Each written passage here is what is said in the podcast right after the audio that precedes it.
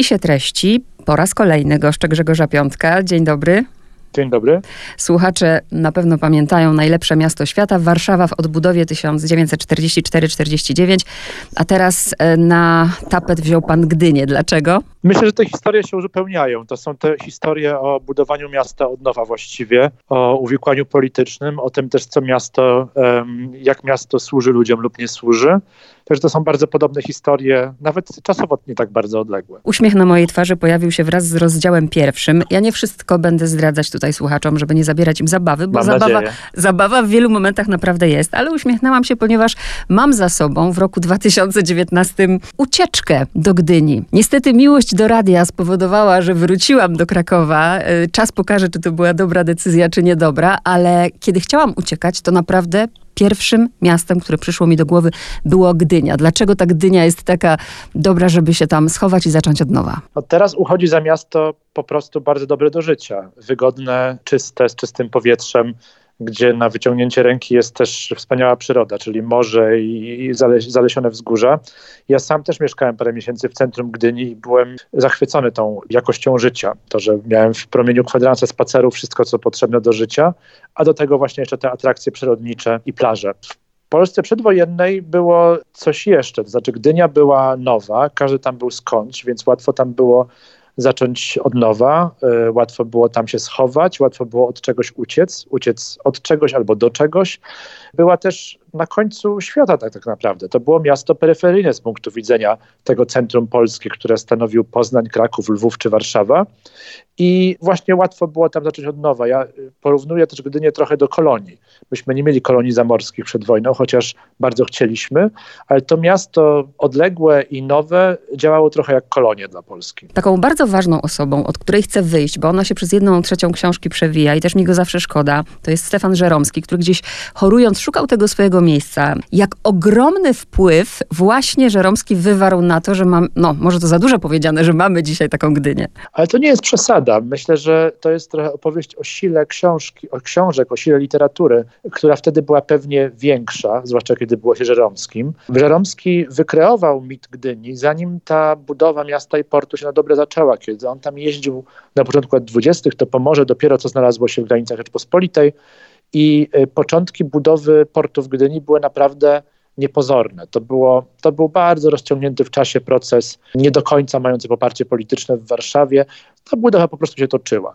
Żeromski chodził na spacery na budowę portu, rozmawiał z robotnikami, przyglądał się i on wyobraził sobie, że tam będzie coś wielkiego. Jeszcze nie wszyscy na przykład w Warszawie, w łonie właśnie rządzących mieli co do tego taką pewność jak później. Wcale to nie było takie pewne, że Gdynia będzie tak ważna i wielka, a on już to zobaczył, wyobraził sobie w wietrze od morza przedstawił, zaraził tą wizją tysiące czytelników. Także myślę, że no, gdyby nie Żeromski, to pewnie trudniej byłoby sobie Polakom, polskim elitom wyobrazić tę Gdynię, którą znamy dzisiaj. Ale niesamowicie to brzmi dla wszystkich, którzy kochają literaturę, jaką tutaj rzeczywistą i faktyczną literatura ma moc. To był 22 rok, 1922. Pierwsze plany urbanistyczne powstał i to też data nieprzypadkowa dla Polski 4 czerwca 26 roku. Gdynia miała mieć określone zadanie. Jakie? Gdynia miała być przede wszystkim portem. Miała być przede wszystkim tym naszym oknem na świat, które go Polska bardzo potrzebowała, bo e, granice z sąsiadami były często pozamykane albo toczyły się jakieś wojny celne. Gdańsk był nie do końca dostępny. Polska teoretycznie miała dostęp do portu w wolnym mieście Gdańsku, ale on był utrudniany. Także najpierw z powodów wojskowych, bo marynarka wojenna też gdzieś musiała się podziać, port musieliśmy zbudować. Miasto, jak mi się udało ustalić, powstało troszkę jako produkt uboczny i to jest cały początek kłopotów Gdyni, że z jednej strony budowa portu bardzo się rozwinęła i sam port był rzeczywiście imponujący, ale państwo uruchamiając tę wielką inwestycję jakby troszkę zapomniało, czy odłożyło na później to, że tam tysiące ludzi na pewno przyjadą do pracy, i że wzdłuż, że przy porcie zacznie rosnąć miasto. Także rzeczywiście Gdynia dostaje w 26 roku prawa miejskie i plan urbanistyczny, ale tak naprawdę od paru lat już spontanicznie to miasteczko sobie rośnie. W Gdyni ten żywioł zawsze panował taki ciągły wyścig między planem a żywiołem. Gdynia miała być tak do krwi polska. Co to znaczyło architektonicznie? Oj tak. E, Gdynia miała być przede wszystkim no, w tym sensie handlowym i politycznym antygdańskiem, czasami uzupełnieniem, czasami konkurencją. I w tej przestrzennej, estetycznej warstwie też. To znaczy, całe Pomorze wydawało się przybyszom z interioru, jak to nazywam, czyli właśnie z Mazowsza, Małopolski, Wielkopolski, jakieś takie małopolskie. Nie mówię małopolskie, tylko mało spacja polskie. Rozumiem. to znaczy zabudowa była albo pomorska, ta wiejska zabudowa, to się kojarzyło niemiecko, no bo to przypominało wieś na całej północy Niemiec, a z kolei architektura publiczna, ta już fundowana w XIX wieku przez państwo pruskie, niemieckie, to był taki ceglany neogotyk. Chodziło o to, żeby Gdynia się odróżniła. Na początku stosowano takie formy narodowe, polskie, dworkowe, neobarokowe, neorenesansowe, właśnie zaimportowane gdzieś z Górnego do Rzecza Wisły, z Krakowa, z Małopolski, z Sandomierza, a później okazało się, że modernizm, jasno tynkowane, proste bryły, jest tym sposobem, żeby od Gdańska się przestrzennie, estetycznie odróżnić. I modernizm paradoksalnie, mimo że jest stylem międzynarodowym, globalnym, który na całym świecie mniej więcej tak samo wyglądał, w Gdyni nabrał właśnie tego narodowego, nie niemieckiego charakteru. To jest taki ciekawy paradoks. I też ten przymiotnik biała tak przylgnął do Gdyni w znaczeniu właśnie nowa, prawda? Tak, nowa, świeża. Ta biel symbolizuje właśnie nowy początek, pewną niewinność, białą kartkę nową szansę. Gdynia wcale nie była biała dosłownie, bo te domy były najczęściej tynkowane na kremowo, na szaro, na zielonkawo, na różowawo, ale to były takie dość jasne pastelowe kolory i na czarno-białych zdjęciach czy w panoramie od strony zatoki robiła wrażenie właśnie bardzo białej, zwłaszcza na tle zieleni, na tle ciemnego morza, szarego nieba. Dlatego do dzisiaj się o niej myśli jako o białym mieście. Nawet inwestorzy teraz, czy architekci projektując nowe budynki w centrum Gdyni koniecznie chcą, żeby były białe, bo myślą, że w ten sposób będą pasowały do przedwojennych kamienic. A to nie takie proste. Dużo paradoksów jest w tej książce, ale tych paradoksów w ogóle dużo jest w naszym kraju. Pierwszy taki, który szokujący w sumie dla mnie był, to to, że z jednej strony chcemy, żeby właśnie była Gdynia, żeby to było miasto otwarte na świat. Za chwilę chcemy, żeby ono było polskie i niestety staje się polskie w tym jak najgorszym znaczeniu. Mam na myśli ten wątek antysemicki. Wyczyśćmy, tak. prawda? Tak, to jest bardzo smutna, bardzo pouczająca też historia, że nie wystarczy sam kontakt ze światem, bo rzeczywiście w Gdyni można było świata doświadczyć poprzez kontakt z przybyszami, z marynarzami, z przedsiębiorcami, więc nie wystarczy y, sam kontakt z innym czy z obcym, żeby wytworzyć atmosferę właśnie kosmopolityczną czy wielokulturową. W Gdyni stało się odwrotnie, przez to właśnie między innymi, że miała być od początku programowo Polska i przez to też, że w Polsce świetnie się miał antysemityzm i że e, widziano w Żydach zagrożenie dla polskich interesów na Pomorzu, co było no, paranoją, nie waham tak się tego nazwać, bo jeśli było jakieś zagrożenie, to niemieckie, a Żydzi do Gdyni przybywali jak, jak tak samo jak Polacy, po to, żeby robić interesy i pracować. I tyle w tym było planu jakiegoś. No, to spowodowało, że w Gdyni bardzo silne były nastroje antysemickie, były bojkoty handlowe, bojkoty towarzyskie, no i też dyskryminacja przez y, władze, które nie życzyły sobie w Gdyni osadnictwa żydowskiego, utrudniały meldunki, y, często wypędzały. No i najsmutniejsze to y, epizody z końca 30., kiedy Żydzi gdańscy uciekają tak. z wolnego miasta Gdańska, gdzie już nazizm szaleje, najbliżej jak się da, czyli właśnie do Gdyni, przez zieloną granicę i nasze władze, nasze, nasze, nasza policja, nasi pogranicznicy ich e, zawracają prosto, e, prosto w paszczę lwa. Także to bardzo smutne. Tak, tak, ta historia jest przerażająca. Na pewno nie jest Gdynia ziemią obiecaną dla Żydów. Ja rozumiem e, tutaj, dlaczego jest to rejmontowskie nawiązanie, ale chciałam zapytać właśnie, dla kogo to jest ziemia obiecana? Bo okazało się, że mm, no w sumie, tak jak chyba dzisiaj, przepraszam, jeśli to porównanie jest nietrafne, ale tak myślę, że po Krakowie czy w Krakowie przyjechali Ukraińcy bogaci. No ale też pokazujemy, wszystkich od, przyjmujemy z otwartymi ramionami, a dzisiaj trochę się to zmienia i w tej Gdyni podobnie. Wszyscy rzucili się na hura, ale nie dla każdego ta ziemia mm, okazała się tą obiecaną. Dla kogo się okazała?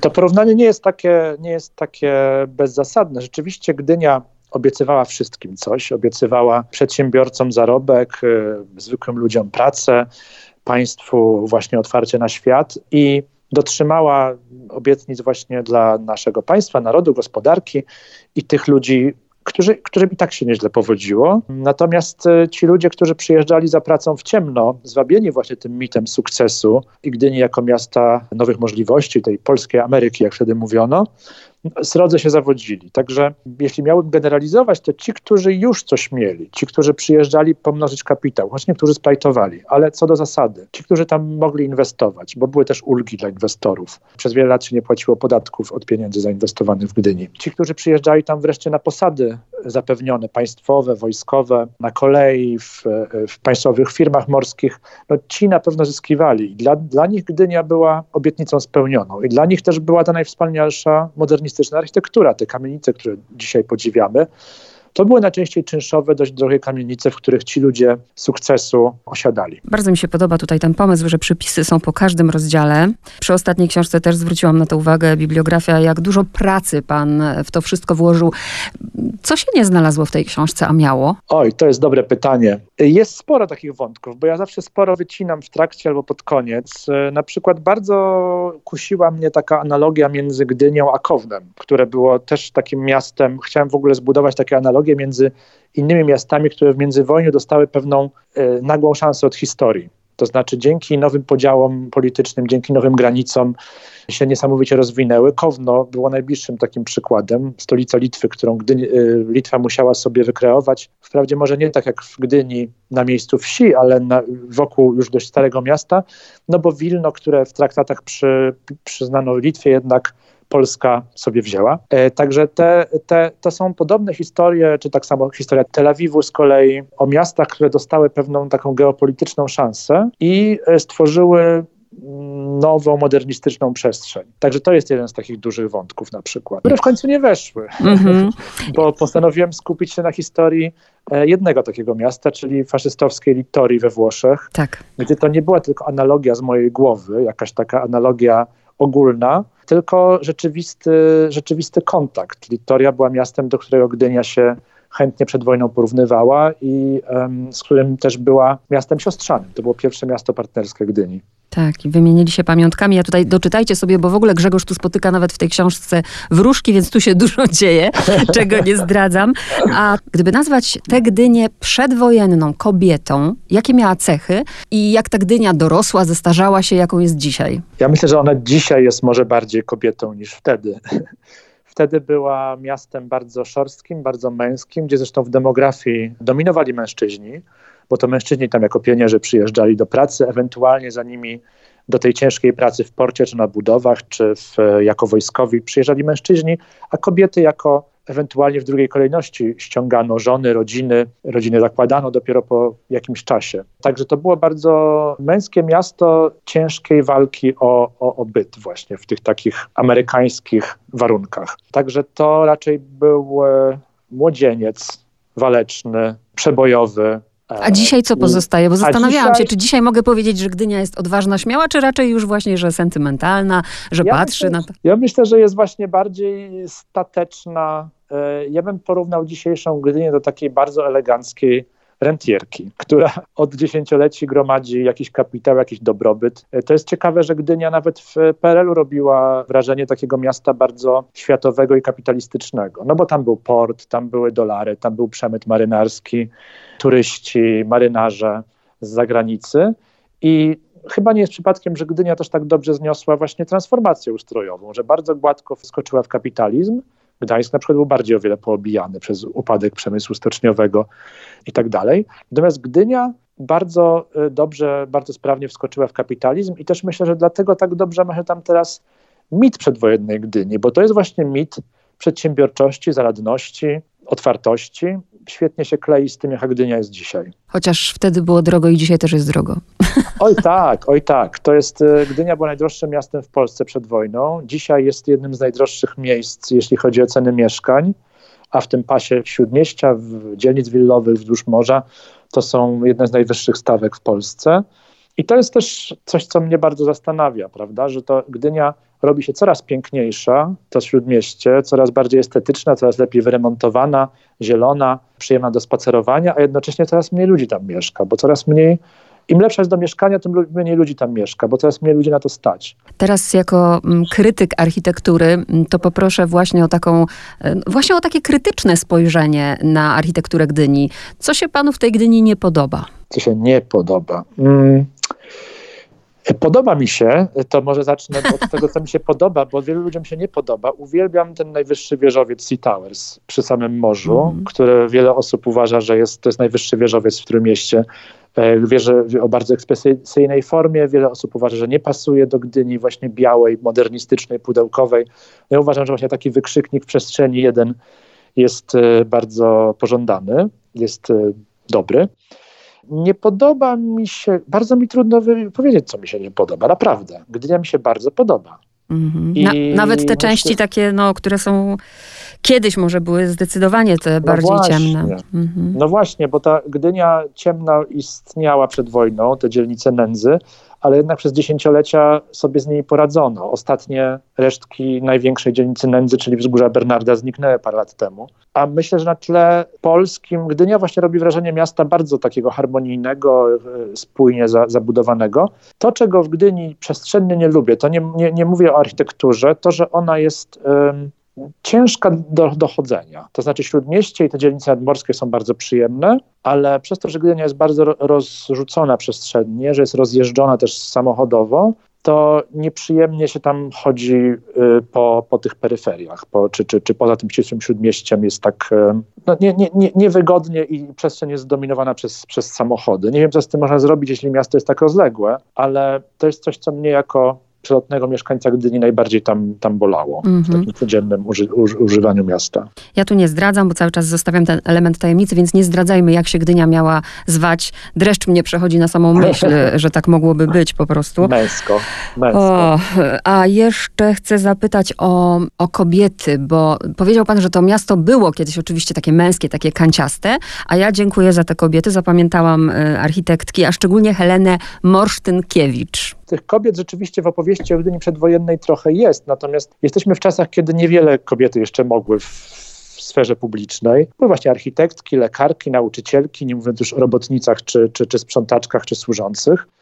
Helena Morsztynkiewicz była bardzo ciekawą postacią, bo była działaczką społeczną, która e, działała na rzecz lepszych, tanich mieszkań, a to, co, to jest to, czego w Gdyni najbardziej brakowało.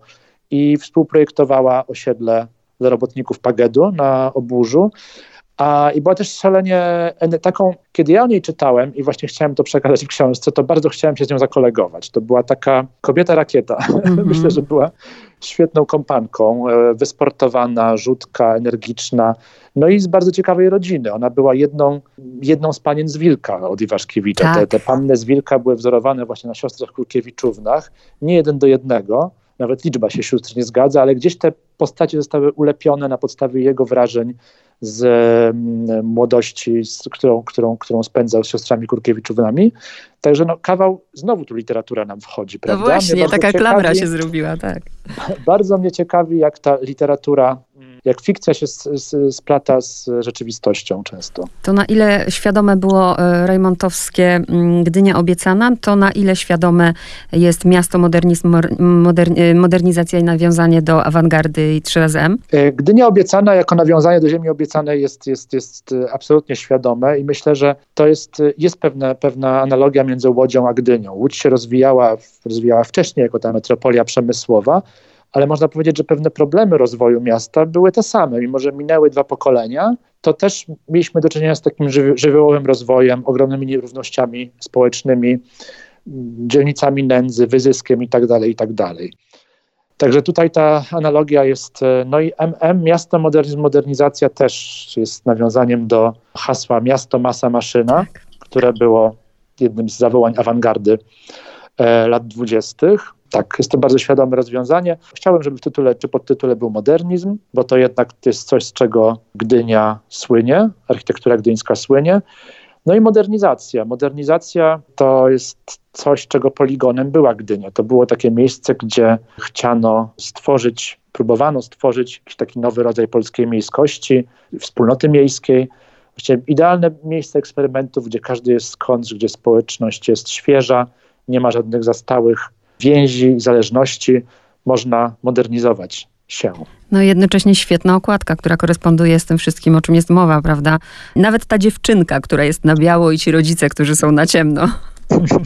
No zależało mi, żeby byli ludzie na okładce, bo ta książka właśnie jest, ja uważam, że architektura się zaczyna i kończy na ludziach, więc nie mogło to być po prostu zdjęcie architektury, a myślę, że ono oddaje, bo na nim jest jeśli Państwo nie, nie, nie, nie widzą, nie mają tego przed sobą albo nie, nie widzieli, jest właśnie chata wiejska, łan zboża i z niego wyrastają nowoczesne kamienice. To właśnie jest coś, co, o czym jest ta książka, o tym jak miasto się pojawia na miejscu wsi, jak się przeplata ze wsią, jak te różne rytmy życia się przeplatają, stare z nowym. I zdradzę tylko, że przy, w ostatniej chwili przed pójściem do druku było dużo nerwów, bo zdjęcie było w archiwum opisane Gdynia lata 30. Nie mogłem zidentyfikować tej kamienicy. I już byliśmy cali w nerwach, że być może zdjęcie jest źle podpisane w archiwum, że może to Lwów, a może Łódź, a może Kraków, ale okazało się, że rzeczywiście jest to Gdynia, tylko jest to jedna z nielicznych kamienic, które zostały zliczone podczas wojny. I jej nie ma w literaturze, nie ma jej w wyobraźni, w naszym takim opatrzeniu współczesnym. Okazało się, że na szczęście jest to Gdynia, ów, można iść do druku. Ale fajna ciekawostka. No a na koniec ja pewnie nie powinnam zadawać tego pytania, biorąc pod uwagę tytuł poprzedniej książki, Najlepsze miasto świata. Ale jak do pana dzwoniłam, to zwróciłam uwagę na opis właśnie Warszawa, czasami Gdynia. No to, to jest tak porówno w serduchu, czy jednak Warszawa? No w Warszawie się na pewno czuję, najba- czuję się tak w 200% u siebie. Ja tu się urodziłem, wychowałem, chodzę ulicą jak dzielnicowy, spotykam cały czas znajome twarze. I, I, to jest takie poczucie, które trudno w nowym miejscu sobie e, zbudować. Natomiast na pewno w Gdyni i w Trójmieście w ogóle, bo w sumie mieszkałem w Gdańsku i w Gdyni 3 lata i 3 miesiące jedną nogą, mogę powiedzieć ze spokojnym sumieniem, że znam je dobrze. Ale korci dobrze. mnie jednak, korci mnie jednak, żeby zapytać, co dalej. Czy kolejne hmm. miasto, czy nie? Nie, nie będzie kolejnej takiej, takiej książki o mieście. Znaczy będzie, będzie miejsko, ale nie na przykładzie jednego miasta. Trochę za wcześnie mówić, bo dopiero się układa w głowie. Ale, no to, ale coś już nowego wymyślam. No to niech się układa. Bardzo dziękuję, Grzegorz Piątek. Ja też bardzo dziękuję.